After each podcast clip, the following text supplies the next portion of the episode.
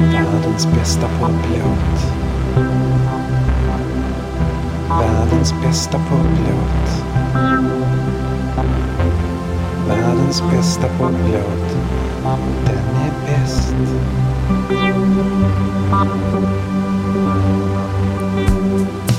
Världens bästa poplåt. Nu är den här. Världens bästa poplåt. Jag är så glad och kär. Världens bästa poplåt är här igen. Och jag undrar, vilken kan det vara? Musikhistorien är full av dem. Artisterna som liksom kan ta någons annans verk och lyfta dem till nivåer som egentligen inte borde vara möjliga och hitta intressanta och nya vinklar på låtar som ger dem helt nya betydelser. Numera är det helt normalt att en låt släpps i fem miljoner olika versioner. Det ska vara remixen hit och det ska vara remixen dit och en hitlåt ska liksom ha minst en version för varje dansgolv eller radiostation. Så har inte alltid varit fallet. Det fanns en tid före 70-talets trevande försök med maxisinglar 80-talets mer medvetna remixutforskningar främst i syntpopens underbara värld med pionjärer som New Order och Depeche Mode. 90-talets förfining och 00-talets tanke att Jay-Z ska remixa allt och lägga in sig själv på rap var helst det finns en möjlighet eller omöjlighet för det. Remixer fanns liksom inte. Det fanns såklart coverversioner. Länge var det norm snarare än undantag att artisten som framförde en låt inte hade något med komponerandet av låten att göra. Det var först med The Beatles som det ändrades. Det var liksom det första paketet där låtskrivare och framförare var samma. Nu befinner vi oss i någon sorts mellanläge. Det finns artister som skriver egna låtar. Det finns artister som inte gör det. Och det finns artister som skriver sina egna låtar men som anklagas av före detta relevanta britpopartister för att inte skriva sina egna låtar som om det spelade någon roll längre. Hur den är med den saken så är det den här poddens mening, det vill säga min mening, att det inte spelar någon roll. Vem bryr sig om det var Chris Christopherson som skrev Me and Bobby McGee och inte Janis Joplin liksom? Diamonds and Rust med Judas Priest är lika fantastisk som den är trots att det var Joan Baez som skrev den. I think we're alone now med Tiffany och Crimson and Clover med Joan Jett är fantastiska alldeles oavsett om det var Tommy James and the Shondell som spelade in dem först.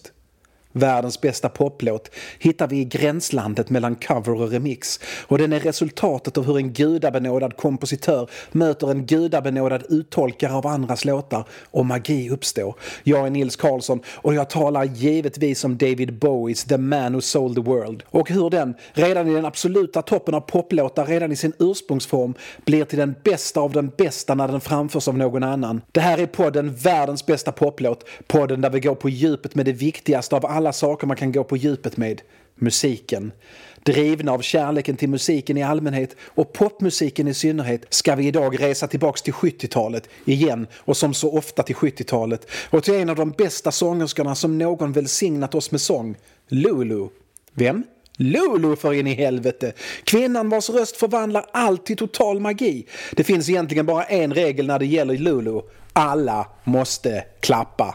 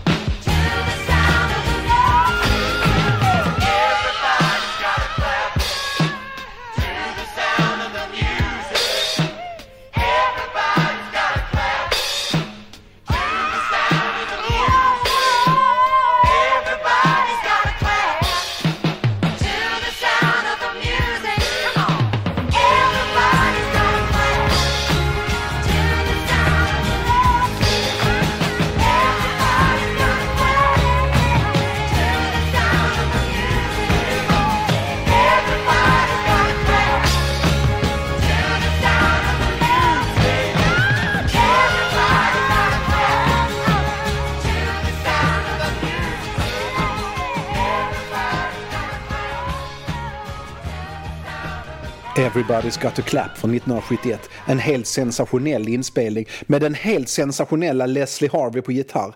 Det skulle bli en av hans sista inspelningar innan han dog på scen efter att ha tagit i en ojordad mikrofon samtidigt som han spelade stålsträngad gitarr. En sån där musikhändelse som mytologiserats och blivit större än den var. En dum olycka som slutade i katastrof har blivit till en legend om en artist som så otroligt mycket drivs av sin konstnärliga passion att spela elgitarr att han står där ensam på scenen framför tusentals besökare och spelar trots att det åskar, ösregnar, haglar, snöstormar och jordbävar och han spelar i knädjupa vattenpölar och så gör elektriciteten sin grej och så dör han. Så gick det inte till. Men få bilder är mer rock'n'roll än det, så det får stanna där. Leslie var en sensationell gitarrist från en helt sensationellt musikalisk familj. Hans bror, den lika sensationella Alex Harvey, gjorde några av 70-talets och glamrockens mest sensationella låtar i sitt The Sensational Alex Harvey Band några år senare. En annan sensationellt musikalisk familj var familjen Gibb, vars tre äldsta bröder uppträdde som The Bee Gees. Och den andra gitarren vi hör på Everybody's Got To Clap är det Morris Gibb som spelar. Morris skrev låten tillsammans med Billy Laurie, Lulus bror, just för att framföras av Lulu eftersom alla ville spela med Lulu, vilket är helt och hållet begripligt, för hennes röst är ju bara för fantastisk. Gibb producerade låten och bad sina kompisar Jack Bruce och John Bonham spela på den också. Jack Bruce hade precis slutat spela med Cream och det är klart att efter att ha harvat runt i en poporkester som envisats med att låta Eric Clapton sjunga så är man lite desperat att få spela med någon som faktiskt kan träffa en ton. Jag säger inte att Clapton inte är begåvad. Inte, inte, inte. Inte alls. Han är mycket bra på att spela gitarr och på att vara en rasistisk konspirationsparanoid vansinnig gammal gubbe. Men sjunga har han fan aldrig kunnat annat. John Bonham räknas med all rätt som en av de viktigaste och bästa trumslagarna någonsin och som sådan rönte han viss framgång med det där andra bandet han hade trots att bästa kompisen Keith Moon förutspådde att det skulle flyga lika bra som en zeppelinare av bly. Utan att förringa hans kompisar i Led Zeppelin på något sätt, John Paul Jones, Jimmy Page och Robert Plants penis, så måste inspelningen med Lulu ha varit toppen på hans alldeles för korta karriär. Det är nämligen helt omöjligt att föreställa sig ett bättre band, supergruppernas supergrupp. Och störst av allt är Lulu.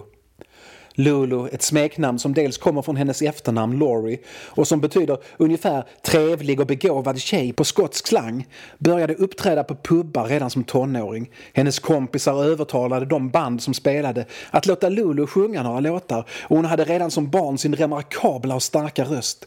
Under 60-talets första hälft arbetade hon sig uppåt och gick från pubsångerska till bakgrundssångerska på andras skivor till att ha några mindre singelhittar själv. Men 1967, när Lulu var 19, formligen exploderade hennes karriär. Hon fick en biroll i filmen To Serve With Love, där hon spelade en ung student som blev kär i sin lärare, spelad av Sidney Poitier. Och eftersom det var 1967 så ansågs det upprörande inte bara att en lärare har relationer med sina studenter, utan att en svart man har ett förhållande med en vit kvinna. Eller, ja, i den filmen, kvinnor, studenter. Det är ju totalt slöseri att låta världens bästa sångerska bara skådespela. Så givetvis fick Lulu också sjunga ledmotivet i filmen. Och jävlar vad populär den blev. Många håller 1967 som ett sällsynt bra musikår. Och med viss rätt. Soundtracket till The Summer of Love innehåller låtar som Aretha Franklins Respect, The Doors Light My Fire, Beatles Sgt. Pepper och singlarna om jordgubbsfält och Penny Lane och All You Need Is Love och Jefferson Airplanes White Rabbit, The Dark End of the Street, Ain't No Mountain High Enough, I'm Waiting For My Man och Ruby Jävla Tuesday. Men det var Lulus To Serve With Love som var den mest spelade låten på amerikansk radio och den bäst säljande singeln på den nordamerikanska kontinenten 1967.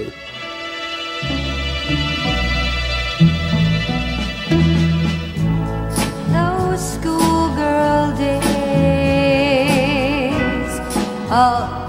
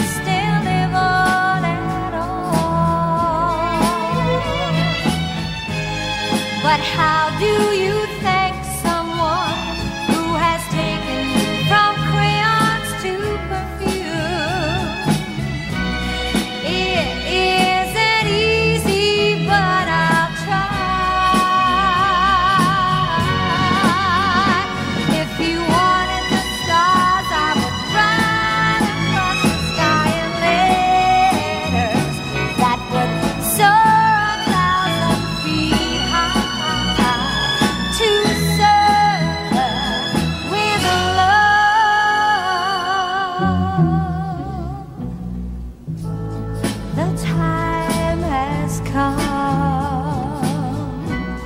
for closing books.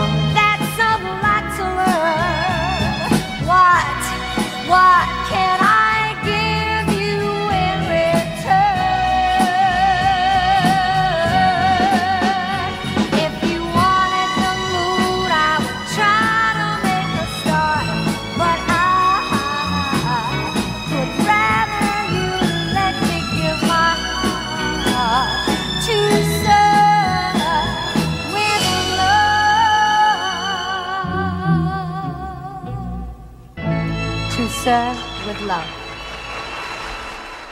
Det är så 60-talet lät. De där filmerna om Vietnamkriget eller om hippies eller om mandomsprov har lurat er eftersom de gjordes av intellektuella människor som ville visa upp sina intellektuella musiksmaker eller som minns tillbaka till ett 60-tal där de bara lyssnade på Creedence Clearwater Revival och inte på lättviktigare saker som Lulu. Eller så är det moderna filmmakare som lite slappt vill förmedla att nu är det 60-tal genom att spela Hendrix Purple Haze. 1967 var inte året då alla nynnade på Henrik haschfantasier. 1967 var året Lulu ägde hela världen, eller i alla fall Amerika. Men en artist med den begåvning Lulu hade, eller fortfarande har faktiskt, kan inte låta sig begränsas av fånigheter som världshav.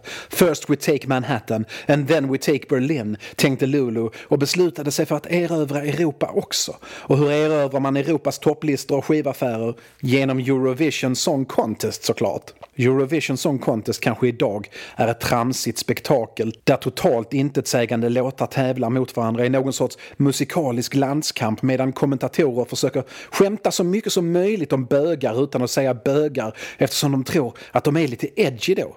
Ett spektakel som är bortglömt några veckor senare och vars deltagarmelodier senare i bästa fall dansar en sommar på förskolor runt om i Europa. Så är det nu, men inte då. På slutet av 60-talet var det så man fick sin musik spelad i radio utanför sitt hemland.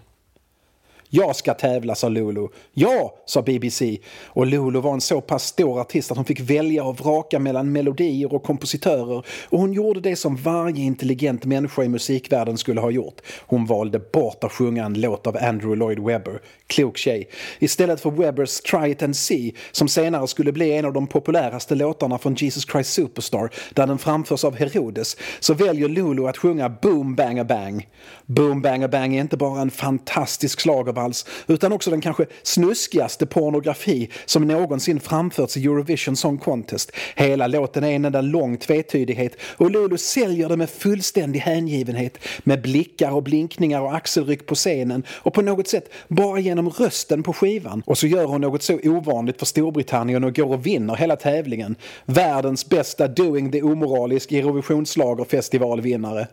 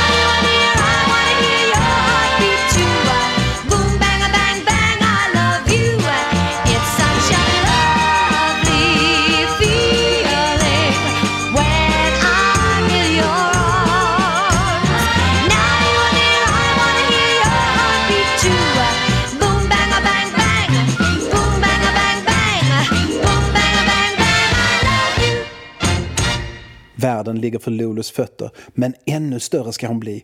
Hon är Englands största kvinnliga artist och hon säljer mest skivor av alla i USA och är bland de populäraste i Europa. Men än finns det marknader som inte har vunnits och de ska vinnas med Englands kanske populäraste exportprodukt, Marmite. Nej, förlåt, James Bond.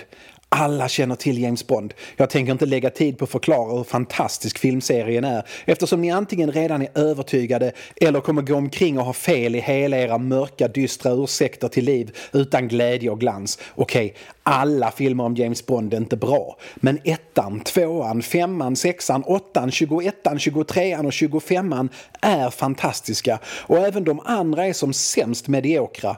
Utom möjligen de filmer som regisserats av Guy Hamilton. De har en tendens att suga åsneballe. Men i övrigt Guy Hamilton fick det otacksamma uppdraget att regissera uppföljaren till From Russia with Love. De första två Bond-filmerna regisserades av Terrence Young vars säregna stil gav Bond ungefär allt det som förknippas med Bond. Jag fattar att det är svårt att komma in och göra en tredje film i en filmserie där de första två filmerna är så ikoniska och innovativa. Man kan inte skylla hela den tågkrasch som Goldfinger är på Guy Hamilton. Men hans bidrag till Bondfilmerna i övrigt visar att han nog var en stor bidragande anledning till hur katastrofalt usel Goldfinger är. Många minns Goldfinger som något bra. Dessa många har fel. Många lyfter Goldfinger som en av de bästa Bondfilmerna. Dessa behöver seriöst hjälp. Goldfinger är usel på så många olika sätt. De äldre Bondfilmerna har såklart problem med att mäta sig med dagens filmer. Man gör inte film på samma sätt längre. Man skriver inte på samma sätt längre. Men om du ser till exempel den första Bondfilmen, Dr. No, med liksom 1962-ögon så inser du hur otroligt bra den är. Och den står sig faktiskt väl än idag. Med Goldfinger är det helt annorlunda. Den var usel 1964 och den är usel nu. Varför? Dels för att huvudpersonen inte gör ett enda jävlaste dugg i den. James Bond mest lallar runt och blir tillfångatagen och sen sätter han en elkabel mot ett stängsel och sen har han vunnit. Han påverkar inte handlingen det minsta. Han träffar lite tjejer som blir mördade på grund av Bond. Och så förolämpar han The Beatles och så tjuvlyssnar han på när skurken berättar för sina skurkkompisar i detalj om sina planer, något som de redan känner till, för att sedan döda dem alla direkt efter att han har berättat planerna. Jo, en sak gör Bond, en sak gör han. Han våldtar en lesbisk kvinna, alltså verkligen med våld, och lyckas omvända henne till heterosexualitetens underbara värld och får henne därför att förråda sin arbetsgivare som man gör när man haft ett möte med James Bonds magiska kuk. Så varför minns alla Goldfinger som så fantastisk då? Två saker. Sean Connery är som bäst i den. Snygg, charmig och det är uppenbart att han har roligt när han spelar in filmen. Och så musiken. John Barrys makalösa Goldfinger framförd av Shirley Bassey. Att det är en bra låt är omöjligt att förneka. Och det får man säga om Guy Hamilton. Hans Bondfilmer må vara sämre än sämst och vara osedvanligt kvinnohatande. Alla fyra innehåller våldtäkter och kvinnomisshandel utförda av Bond. Men han kunde verkligen välja bra filmmusik. Hamiltons Bondfilmer är de sämsta, men musiken är den bästa. Goldfinger är en evig klassiker. Diamonds are forever, också skriven av Barry och framförd av Bassey, är nästan i klass med den. Och Live and Let Die av Paul McCartney and the Wings är i en helt enastående klass för sig. I slutet av Live and Let Die står det att James Bond will be back in The Man with the Golden Gun.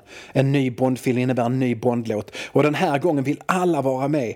Men många är kallade, men få är utvalda av Guy Hamilton. Några som älskade Bond var till exempel den amerikanska poporkestern Alice Cooper. När de ser att nästa film ska vara The Man with the Golden Gun sätter de genast igång och komponerar en låt. Alice Cooper var 1973 och 1974 ett av världens största band och störst av alla var de i Storbritannien där de de låg etta, tvåa och trea på topplistan samtidigt. Alice Coopers låt är bland Alice Coopers bättre, men även om den är bättre än nästan alla Bondlåtar så saknar den något väldigt, väldigt viktigt. Lulu. Man kan lyssna på Alice Coopers ratade låt på skivan Muscle of Love, Alice Coopers sista skiva. Antar att de blev för deppiga efter att ha fått nej till sin fina melodi om gyllene pistoler och agenter att de helt enkelt la ner och gick hem. Bondproducenterna vill såklart ha Lulu. Vem vill inte det liksom? Jag minns fortfarande första gången jag hörde Lulus The Man with the Golden Gun, tidigt 80-tal. James Bond var lite förbjudet. 15-årsfilmer. Jag och Pelle hade sett en eller två, For Your Eyes Only och You Only Live Twice tror jag. Men vi var såklart helt upp över öronen förälskade i allt vad Bond hette. Pelle hade en sån där leksaks Aston Martin som kunde skjuta ut en liten gubbe från passagerarsidans inbyggda katapultstol. Och så hade han en samling med Bondlåtarna på LP. Andra sidan inleddes med The Man with the Golden Gun. Som ingen annan Bondlåt är den låten liksom Bond. Någon skulle kunna invända att den kanske är lite väl inspirerad av Goldfinger, men till dessa säger jag att everybody's got to clap och det är bara att gilla läget för det här är nästan den västerländska populärmusikens absoluta topp.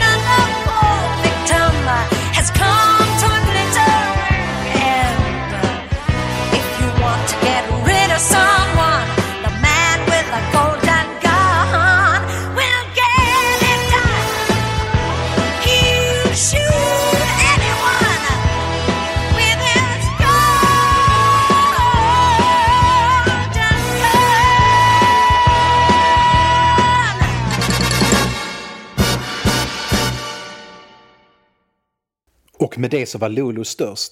I Amerika, i Europa, i Asien. En annan som var på väg att bli störst 1974 var David Bowie. Han kanske inte sålde lika mycket skivor som Lulu, men det gjorde ju ungefär ingen. Men hans genombrott var ändå fullbordat. Bakom sig hade han skivor som The Man Who Sold the World, Hunky Dory, The Rise and Fall of Ziggy Stardust and the Spiders from Mars och Aladdin Sane. Och tillsammans med sin vapendragare och medproducent Mick Ronson hade han också hunnit med att producera och spela på Lou Reeds Transformer.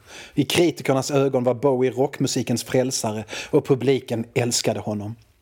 Bowie gjorde pop och rockmusik som lät mainstream, men samtidigt unikt Bowie. Han gjorde harmoniska val som ingen annan gjort vare sig före eller efter. En klockren känsla för refränger och dramatik kombinerad med hans och Ronsons arrangemang gör de där skivorna till eviga klassiker. Ronson är en av rockmusikens intressantaste gitarrister och hans solon är helt unika de med. Finns ingen som spelar eller spelade som Ronson. Ta The Man Who Sold the World som ett exempel på det. I Bowies version av låten från 1970 lyckas Ronson spela ett riff och gitarrsolo som bara innehåller två eller tre beroende på hur man räknar toner som ändå finns där uppe i gitarrsolohimlen och beundras av cirka alla andra gitarrsolon någonsin. The Man Who Sold the World borde ha blivit en större hit med Bowie, men visst, den är konstig. Sången och gitarren spelar den i en tonart, A, medan basen spelar i F. Doriska skalor istället för popmusikens vanliga dur eller blues bluesskalor och en tämligen obegriplig text.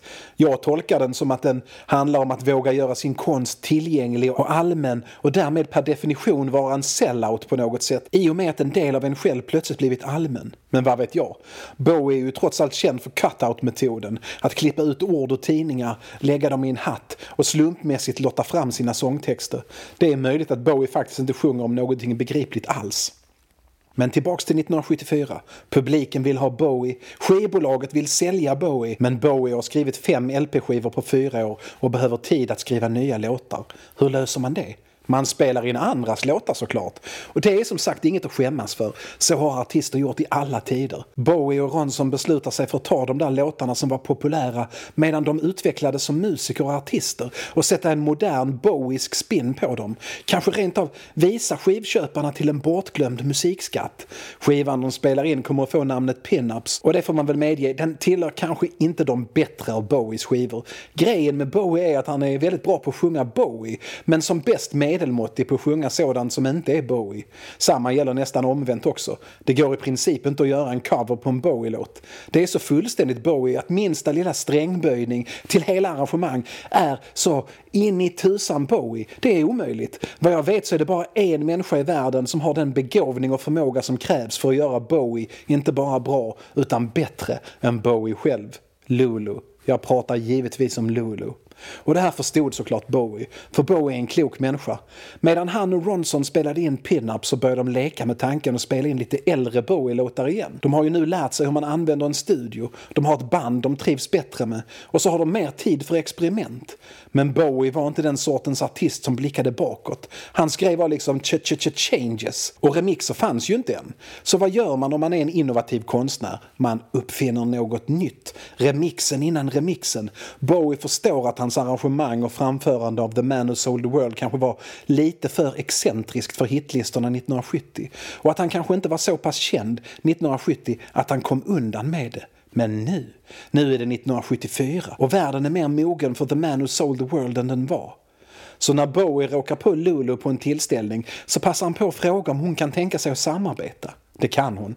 Hon beundrade Bowie och han henne, så förutsättningarna fanns där även om de inte rörde sig på samma musikaliska marker. Hennes musik var fullständigt opretentiös och hans var, ja, raka motsatsen. Ambitiös i alla fall. När de kommer till studion och hon får texten så frågar hon vad orden betyder. Bowie svarar inte. Men han säger åt henne att sjunga dem som en nattklubbsångerska i Berlin på 30-talet. Och så övertalar han henne att kedjeröka för att det liksom skapar den där perfekta, lite dekadenta rösten. Hon sätter låten i två tagningar och det är ett närmast perfekt framförande. I Bowies original sjunger han lite kyligt, nästan som om han observerar sig själv utifrån. Men Lulu tar det närmre och värmer orden och ger dem nytt liv. Arrangemanget är helt nytt. Borta är grejen att låta musiken på verserna komma från höger högtalare och rösten från vänster för att sedan föra ihop sång och musik på refrängerna till någon sorts mitten i stereomixen. Nu är allt mer centrerat. Borta är gitarriffet och solot och istället spelar Bowie saxofon och han gör det förträffligt såklart. Ett av popmusikens bästa saxofonerande någonsin. Baker Street får ursäkta, Careless Whisper får ursäkta. Det är så här saxofon ska spelas på popskivor. Refrängerna görs till nästan en duett mellan Bowie och Lulu. Han försöker inte överglänsa henne, han förstår såklart att det inte går, utan nöjer sig med att komplettera henne. Resultatet är en låt som både är 100% Bowie och 100% Lulu och 100% Bronson också för den delen. Här är summan större än delarna och resultatet är den perfekta lilla poplåten, rocklåten, låten. Äntligen blev The Man Who Sold the World den hitten förtjänade att bli. Kan man räkna det som en remix? Kanske. Det är i stort sett samma musiker som på originalet och samma producenter, men en ny sångerska. Låten låter inte så pass annorlunda att den kan sägas vara en helt egen låt. Nej, det är fortfarande Bowies The Man Who Sold The World, med Bowie, fast annorlunda. Jag säger att det är en remix, en av världens första remixer och i så fall, det här är trots allt den podd det är, världens bästa remix. Det kan ju knappast vara något annat eftersom det också är världens bästa poplåt. I det här avsnittet har vi hyllat Lulu och det kan inte göras nog. Och nu lyssnar vi på kronan av hennes artistkarriär, The Man Who Sold The World. Och kom ihåg, everybody's got to clap. But uh, let's hit it as a single, not as an album track, all right? One.